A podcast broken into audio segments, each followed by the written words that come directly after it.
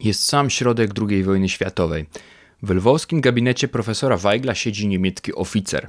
Namawia go do przyjęcia niemieckiego obywatelstwa, które należy mu się jako synowi austriackiego urzędnika. Obiecuje profesurę w Berlinie i poparcie dla otrzymania Nagrody Nobla. Weigl nie pierwszy raz odpowiada negatywnie. Wtedy mówi: Kiedyś nawet zastanawiałem się nad przenosinami do Niemiec, ale teraz to niemożliwe. Każdy wybiera swoją narodowość tylko raz w życiu. Jego odważna odmowa pomoże uratować dziesiątki lwowskich wybitnych uczonych, tysiące ludzkich istnień. Mimo to Rudolf Weigl po wojnie zostanie postacią zapomnianą, wymazaną z kart pamięci historii przez oskarżenia o współpracę z nazistowskim okupantem. Kim był wciąż dziś tajemniczy lwowski naukowiec i dlaczego, mimo tego, że wielokrotnie był przedstawiany do Nagrody Nobla, to nigdy jej nie otrzymał? O tym postaram się opowiedzieć dzisiaj.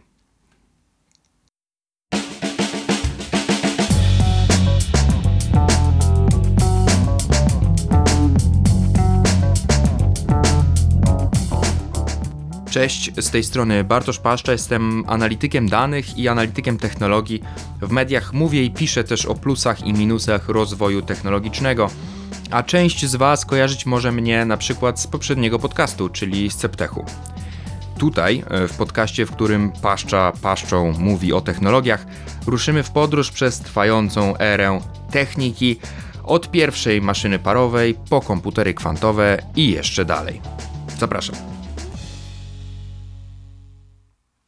Historia profesora Weigla jest szczególna, jak na postać tak barwną i istotną dla uratowania setek wybitnych Polek i Polaków, którzy zresztą w swoich wspomnieniach również zawierają ten epizod współpracy z nim w czasie wojny i ten ratunek, to zaskakująco mało się wciąż o Weiglu mówi i pisze.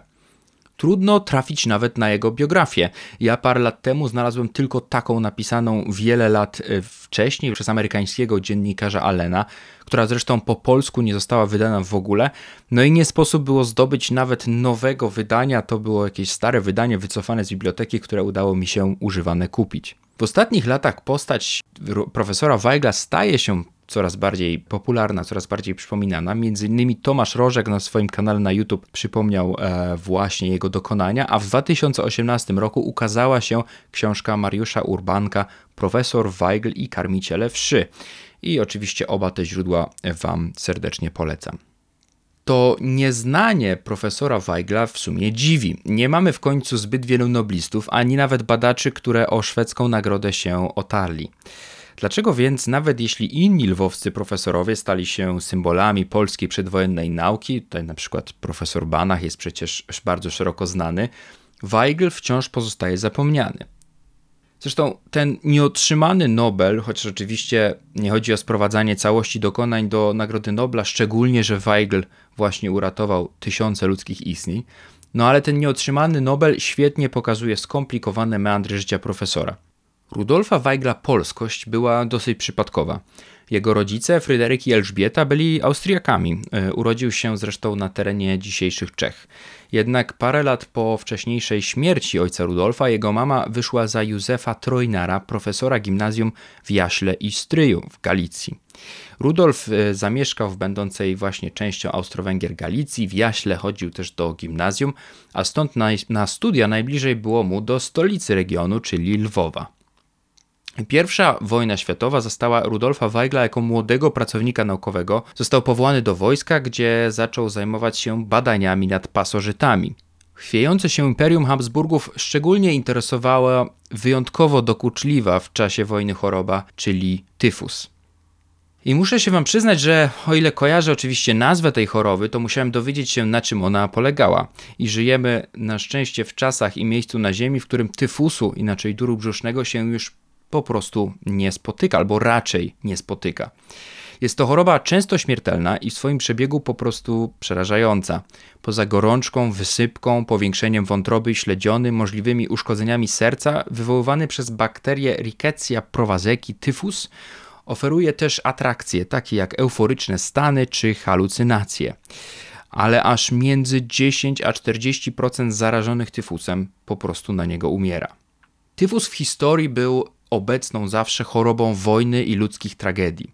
Przenoszą go wszy, a epidemie wybuchały zazwyczaj wtedy, kiedy masy ludzkie nie mogły utrzymać nawet tych podstawowych historycznych zasad higieny, to znaczy właśnie na przykład w przypadku wojen czy przeróżnych innych katastrof, które powodują duże ruchy ludzi, wymienianie się tych miejsca zamieszkania, przemieszanie się ludzkich mas, no i przede wszystkim generowanie tych uchodźców, e, czy na przykład przebywających na froncie żołnierzy, którzy zgromadzeni licznie w jednym miejscu są świetnym obszarem do tego, żeby wszy e, szeroko się rozmnażały.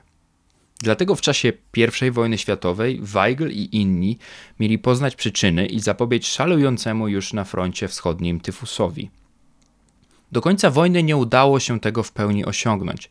Choroba pochłonęła parę milionów istnień wśród ludności cywilnej i żołnierzy na terenach Polski, Rumunii czy Rosji ale Niemcy, przerażeni perspektywą rozprzestrzenienia się tyfusu do swojego kraju i na front zachodni, rozciągnęli od Bałtyku aż po Morze Czarne taki dosyć skuteczny kordon sanitarny, pełen stacji odwszania, dezynfekcji, e, przechodzenia kwarantan podczas przejazdu i odnieśli sukces w tym sensie, że dur brzuszny nie przeniósł się właśnie na zachód. Niedługo później przyszedł rok 1918 i niepodległość Rzeczpospolitej. Weigl pozostał w Polsce i został profesorem Uniwersytetu Lwowskiego i dalej zajmował się walką z tyfusem. I właśnie on wynalazł pierwszą na świecie skuteczną szczepionkę przeciw tyfusowi. E, chociaż jej produkcja była naprawdę żmudna i trudna, to młodemu państwu polskiemu udawało się ją zwiększać i stosować w tych najbardziej narażonych miejscach na wybuch epidemii, szczególnie na kresach wschodnich, dzięki czemu ograniczono właśnie rozprzestrzenianie się tyfusu w czasie II RP. Szczepionka Weigla była jedyną dostępną na świecie, obok powstałych nieco później amerykańskiej i mniej udanej, bo bardzo toksycznej francuskiej. Wyprodukowana w Lwowie szczepionka ratowała życie m.in. misjonarzy nawet w Chinach.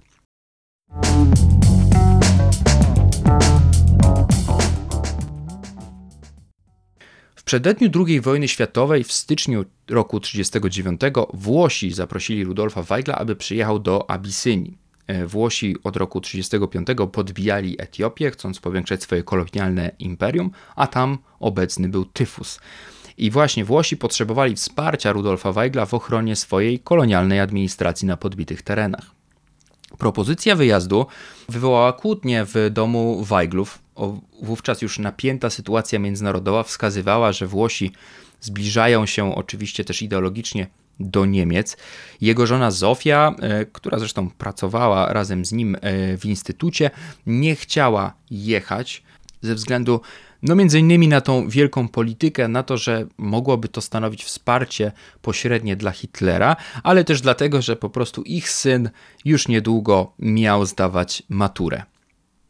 No i tutaj możemy troszeczkę odbrązowić ten życiorys, ten, tą postać Rudolfa Weigla, bo on nie był zdecydowanie człowiekiem bez wad. W tym trzymiesięcznym wyjeździe do Afryki widział, jak to określił później jego syn, szansę na zobaczenie egzotycznego kraju, zebrania nowych szczepów bakterii i uratowanie wielu żyć. Innymi słowy, widział swój naukowy cel, nie przejmował się otaczającą go polityką, a to było ważne, bo na przykład Francuzi niewiele wcześniej odmówili Włochom pomocy, właśnie powołując się na to, że nie chcą pomagać faszystom i nazistom. Co więcej, e, prywatnie Weigel też nie był bez skazy. W podróż zabrał inną pracownicę Instytutu, dr Annę Herzig, e, już wówczas będącą jego kochanką. Weigel nie był zbyt wiernym więc małżonkiem, szczególnie, że to ten romans rozwijał się przecież właściwie tuż pod okiem żony, która również pracowała w tym samym instytucie. Ale kiedy zaledwie rok Później, w roku 40, jego małżonka Zofia zmarła na raka. Rudolf miał żałować właśnie tego jednego wyjazdu, który rozbił jego rodzinę. Lata później z kolei poślubi właśnie Annę Herzig. Niedługo po powrocie Weigla z Afryki nadszedł wrzesień roku 1939. Po niemiecko-radzieckiej inwazji Lwów znalazł się w granicach ZSRR i zaczęły się wysiedlenia polskiej inteligencji, jednak badania dla, nad tyfusem były dla komunistów bardzo istotne i właściwie nie chcieli im przerywać. Jednemu ze współpracowników Weigla, Ludowikowi Fleckowi, pozwolono nawet zorganizować drugi ośrodek badawczy nad szczepionką przeciwko tyfusowi, który również znalazł się w Lwowie. Weigl nieprzerwanie produkował szczepionkę, wierząc w to, że każda jedna, niezależnie od tego, czy wykorzystana przez komunistów, faszystów czy demokratów, ratuje jakieś ludzkie życie. Rządy radzieckich towarzyszy potrwały jednak dosyć krótko, bo jedynie do czerwca roku 1941. Niemiecka machina wojenna ruszyła wtedy na dawnego sowieckiego sojusznika. Wcześniej okupacyjna rzeczywistość była zła i pełna wywózek, teraz jednak rozpoczął się prawdziwy festiwal śmierci i ludzkiego zbydlęcenia. Tuż przed wkroczeniem wojsk Wehrmachtu do Lwowa NKWD zmasakrowało pozostałych jeszcze w więzieniach nieszczęśników. SS-mani i zachęceni przez nich Ukraińcy dokonali pogromu, zapęcili do sprzątania gnijących ciał Żydów. Ten pogrom powodował, że niewielu z nich e, z tych robót wracało. Zginęło około 7 tysięcy e, Żydów, a wiele innych było po prostu publicznie maltretowanych na ulicach, i cudem z tego piekła wyszedł m.in. młody Stanisław Lem, który również zapędzony do roboty w dawnym więzieniu świętej Brygidy, jednak był akurat w tej grupie, którą później wypuszczono, a nie zamordowano na miejscu. Weigl w tym strasznym czasie próbował chronić swoich współpracowników. Niektórzy z nich pochodzenia żydowskiego nocowali wręcz w laboratorium, żeby uniknąć w ogóle wychodzenia na ulicę i pochwycenia nawet przypadkowego w tym pogromie. W nocy z 3 na 4 lipca Niemcy ten walec śmierci ruszyli dalej, wymordowali kilkudziesięciu polskich profesorów, ich rodziny i przypadkowych gości ich domów. To tak zwana zbrodnia na wzgórzach wuleckich. Przypadkowo, będąc właśnie w gościach, złapany i zabity został m.in. literata Tadeusz Bojżeleński. Weigl miał w ręku mocną kartę. Jego szczepionka była jedyną dostępną dla Niemców. Dokonania Weigla znali oni doskonale. E, do Abysynii e, zaledwie parę tygodni po przyjeździe tam Rudolfa Weigla udał się niemiecki naukowiec Hermann Ayer. Niemcy wciąż nie potrafili opracować bowiem własnej szczepionki, a naziści byli tyfusem po prostu przerażeni. Mieli w pamięci bardzo dobrze wydarzenia epidemii z I wojny światowej. Bez powodu w swojej obrzydliwej propagandzie uznawali Żydów właśnie za wszy, za naturalnych nosicieli tyfusu, chcąc przerazić tym też szeroką opinię publiczną. I zresztą właśnie ograniczeniem rozprzestrzeniania się tej choroby argumentowali konieczność stworzenia zamkniętych get i zamknięcia w nich społeczności żydowskiej, co oczywiście wiemy, jak się skończyło.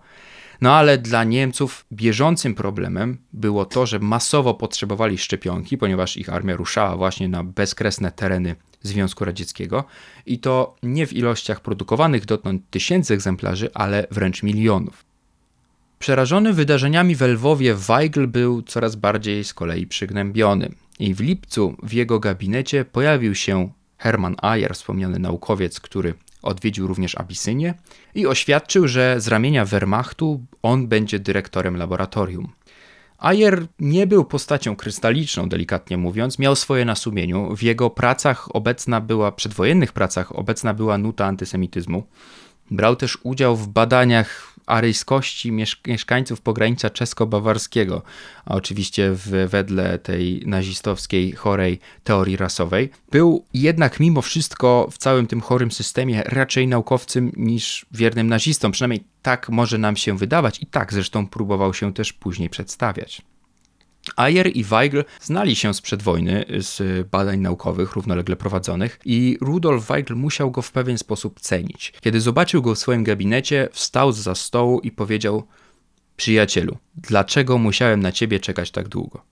Ayer faktycznie wobec Weigla zachował się nieźle. Zostawił Weiglowi wolną rękę. Pomógł roztoczyć nad Instytutem parasol ochronny, wyciągając nawet przypadkiem aresztowanych ludzi z więzień, aresztowanych pracowników, e, oczywiście laboratorium z więziem, no bo ta karta tego, że, to, że oni wszyscy pracują nad niezwykle ważnym dla Wehrmachtu projektem, po prostu otwierała wiele drzwi i pozwalało cofnąć nawet e, zbrodnicze machiny e, niemieckich administracji.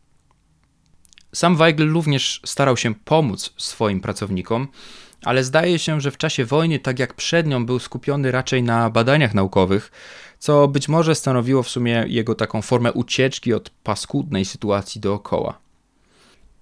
I tutaj kluczową rolę odgrywali być może nawet bardziej jego współpracownicy niż on sam. Chociaż on oczywiście roztaczał swoim autorytetem parasol i bronił, chronił pracowników przed interwencjami nazistów, no to jego współpracownicy właśnie pod nosem Niemców e, wkrótce zamienili Instytut w Centrum Życia i Ratowania Polskiej Inteligencji, a samą szczepionkę zamiast nazistom zaczęli przemycać do get w celu ratowania Żydów. Ale dla nazistów, szczególnie tych z SS, było w sumie nie do przyjęcia, że jakiś polski naukowiec jest kluczowym elementem niemieckiej nazistowskiej nauki i ochrony tej niemieckiej ludności przed tyfusem. Stąd SS zaczęło wywierać presję na Rudolfie Weigl, żeby podpisał Volkslistę, czyli listę osób pochodzenia niemieckiego, którzy starają się o, o niemieckie obywatelstwo. Weigl jako syn Austriaków, lekarz austro-węgierskiego wojska, był oczywiście, no miał wszelkie predyspozycje, żeby podpisać tą Volkslistę i wielu być może wie, na jego miejscu nawet by się nie zawahało. Niemcy po podpisaniu Volkslisty, no oczywiście chcieli uczynić z niego jednego ze sławniejszych niemieckich naukowców stojących na froncie walki z tyfusem. Kulminacyjny moment nadszedł w roku 42 lub 43, bo precyzyjnej daty nie znamy, kiedy do gabinetu Weigla przyszedł SS-Gruppenführer Fritz Katzmann.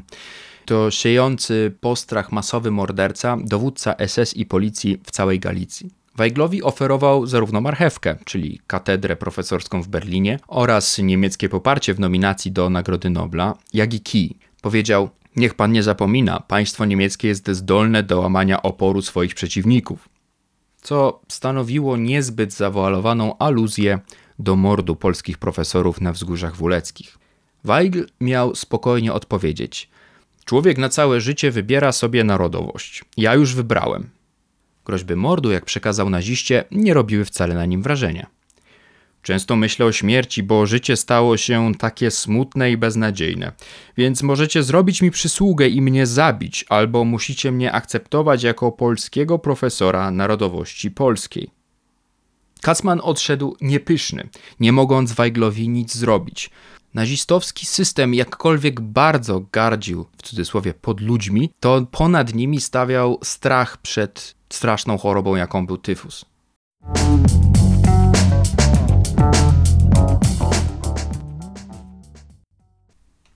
Czas na bardzo krótką przerwę i podziękowanie. Podziękowanie za Waszą aktywność w sądach, w dyskusjach, które prowadzimy na Spotify'u. Polecam nowym słuchaczom tam zajrzeć.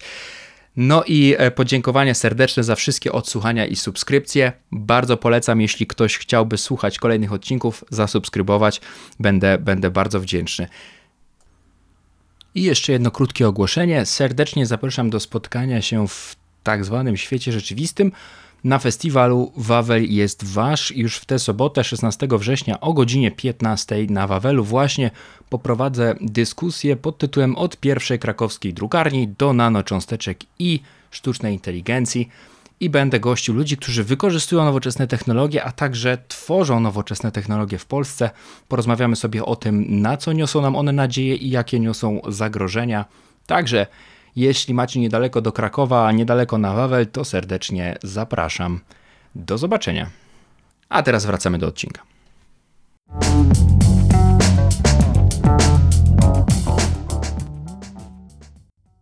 Wspominałem już, że produkcja szczepionki była wyjątkowo pracochłonna.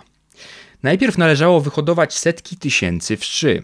Robili to tak zwani karmiciele wszy którym to osobom do łydek i ud przyczepiano pojemniczki z setkami żywiącymi się krwią stworzeń. Ukąszenia wszy wywoływały swędzenie, ale drapanie się było zakazane. Poranienia mogły uczynić karmiciela po prostu bezużytecznym. Po około 12 dniach karmienia strzykacze zakażali wszy tyfusem, a te trafiały do wyższej kasty karmicieli, czyli wąskiej grupy osób, które już były odporne na tyfus dzięki szczepionce lub przechorowaniu wcześniejszemu. Kiedy tyfus rozwijał się w małych stworzeniach, ich jelita zaczynały pękać i te martwe wszy trafiały do preparatorów, którzy precyzyjnymi nacięciami wyciągali jelita ze stworzeń, aby z utartej z nich masy stworzyć właśnie materiał do szczepionki. Potem już tylko mechaniczne rozdzielenie pozostałości wszych wnętrzności od martwych bakterii i szczepionka była właściwie gotowa. To właśnie ogromne zapotrzebowanie na karmicieli wszy i preparatorów umożliwiło Instytutowi przy ulicy o bajkowo brzmiącej nazwie, czyli ulicy Świętego Mikołaja w Lwowie, stać się taką bezpieczną przestrzenią, azylem dla tysięcy żołnierzy akowskiego podziemia, profesorów czy literatów. Legitymacja Instytutu chroniła przed łapankami i wywózkami. Często zresztą nawet samo wypisane w niej słowo tyfus potrafiło tak przerazić niemieckich żołnierzy, że ci po prostu nawiewali, gdzie pieprz rośnie. Podczas wielogodzinnych sesji karmienia wszy, zgromadzeni siedząc po prostu w jednej sali przy stole, toczyli z kolei żywe dyskusje o sprawach bieżących, ale i na przykład o filozofii. Instytut stał się więc takim następcą rozdyskutowanego życia przedwojennych lwowskich kawiarni, takich jak słynna na cały matematyczny świat kawiarnia szkocka. Zresztą sam wybitny matematyczny samorodek Stefan Banach był również karmicielem wszy, co pomogło uratować jego życie. Jak wyglądało takie wielogodzinne posiedzenie karmicieli? Ze wspomnień pracownika Instytutu Szybalskiego. Banach zazwyczaj siedział w rogu, paląc jednego papierosa za drugim. Aleksander Kosiba, meteorolog, opowiadał o swoich wyprawach polarnych i o sushi, znanym wówczas tylko w Japonii. Gadatliwy filozof Knaster potrafił mówić o dowolnym temacie, od matematyki po politykę. Gdzieś obok siedzieli działacze lokalnej komendy Armii Krajowej. W tym czasie wszy się najadały, a dziesiątki osób mogło spędzić bezpiecznie czas. Niemcy chcieli, żeby szczepionka trafiła do ich żołnierzy i funkcjonariuszy SS. Tylko mała porcja była przydziałem osobnym dla Rudolfa Weigla oraz takim przeznaczonym na dalsze badania. Pracownicy Instytutu mieli świetne metody na wykorzystanie chroniącego życie preparatu. Wolontariuszami w badaniach zostawali najbardziej zagrożeni, np. sieroty z domów dziecka. Niektóre partie trafiały do AK, w tym przynajmniej raz zupełnie oficjalną niemiecką przesyłką zaadresowaną na fikcyjnego oficera Wehrmachtu w Smoleńsku, którego to oficera, e, przychodząc po odbiór, udawał żołnierz Armii Krajowej. Epidemie tyfusu wybuchały jednak przede wszystkim w gettach, w których niedożywiona, niszczona ludność niemiecka masowo zaczęła zapadać na tę chorobę. Niemcy nie zgodziliby się nawet na wysłanie tam eksperymentalnych dawek, dlatego do get pojemniki ze szczepionką po prostu przemycano i to musiała być taka szczepionka, która zupełnie znajdowała się poza ewidencją. Szczepionka Weigla stała się najbardziej drogocennym przedmiotem w getcie warszawskim, gdzie trafiło ponad 30 tysięcy dawek. Pojawia się w tej właśnie roli najbardziej drogocennego elementu we wspomnieniach e, Adama Czerniakowa, czyli szefa getta, który później pełni samobójstwo, i Władysława Szpilmana, czyli słynnego pianisty. Wreszcie pracownicy Instytutu zaczęli pracę nad sabotażem większości partii szczepionki, które musiały już trafić do niemieckiej armii. Doświadczeni pracownicy nauczyli się ufać Ajerowi, choć jak powiedział jeden z nich, nigdy nie wiedzieliśmy, czy to ze względu na jego dobre serce, czy dlatego, że orientował się, że trzecia Rzesza nie będzie trwać wiecznie. Do wyrobu szczepionki dla Niemców używano mniejszej ilości wszych jelit, co oczywiście osłabiało jej skuteczność. W magazynie wykradano pojedyncze fiolki z substancją. Pewnego dnia do jednego z Polaków podszedł pilnujący magazynu Volksdeutsch i powiedział: Powiedz im, żeby kradli pojedyncze sztuki z partii. Jak będzie znikać za dużo, to wszyscy będziemy mieć kłopoty. Ten Polak nie wiedział nawet, kim są owi oni kradnący szczepionkę, ale przyjął to ostrzeżenie. Pomoc dla narażonych na zarażenie tyfusem, Żydów i żołnierzy Armii Krajowej częściowo działa się poza okiem Rudolfa Weigla. Ten, wydaje się, był bardziej skupiony na badaniach naukowych, doskonaleniu samej szczepionki. Jednak to właśnie Rudolf Weigl, jako szef tego laboratorium, bezpośrednio swoimi rękami, czy tworząc warunki dla setek innych rąk, pomógł uratować dziesiątki tysięcy ludzkich istnień.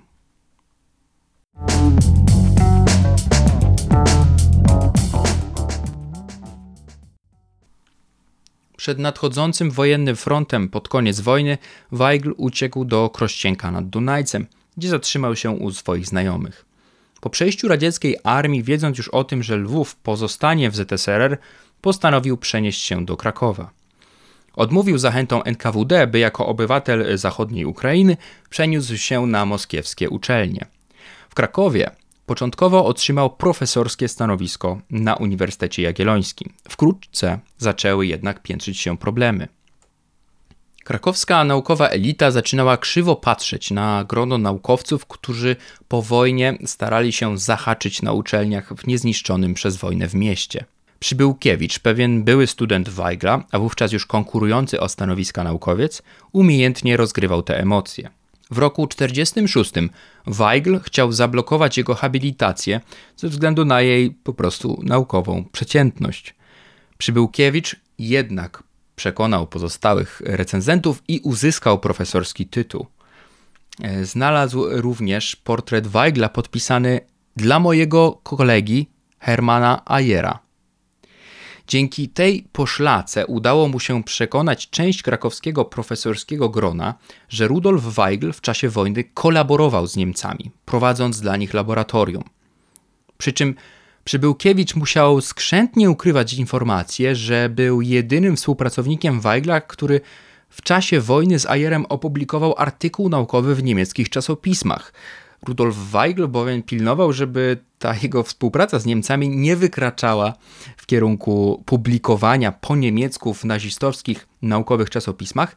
No wówczas Przybyłkiewicz taki ostrożny nie był. To chyba symbol charakteru pana Przybyłkiewicza. Jego współpracownicy wspominają go jako po prostu złego, słabego naukowca i nauczyciela. Człowieka wymuszającego łapówki za leczeniem, wyrzucającego zbyt dobrych naukowców stanowiących dla niego konkurencję, wreszcie współpracownika służby bezpieczeństwa. Weigl, zmęczony oskarżeniami o kolaborację i taką atmosferą podejrzliwości, która wokół niego się utworzyła, opuścił Kraków i przeniósł się do Poznania w roku 1948. Wkrótce zresztą przeszedł na emeryturę i powrócił do starej stolicy, gdzie miał małe prywatne laboratorium. Uporczywa plotka o kolaboracji, jak to oczywiście bywa z plotkami, krążyła cały czas w kuluarach i nie dawała Weiglowi spokoju. Przyczyniła się także do braku wsparcia Polski dla kandydatury Weigla w ubieganiu się o Nagrodę Nobla, o który ten brak wsparcia postarał się zresztą wspomniany już godny zapomnienia krakowski konkurent. O Weiglu w PRL-u było cicho. Oficjalnie nigdy nie został potępiony, ale też nie był zbyt ochoczo wspominany. Poza tym był przecież lwowiakiem, a tych władza przypominać publicznie szerzej także nie chciała.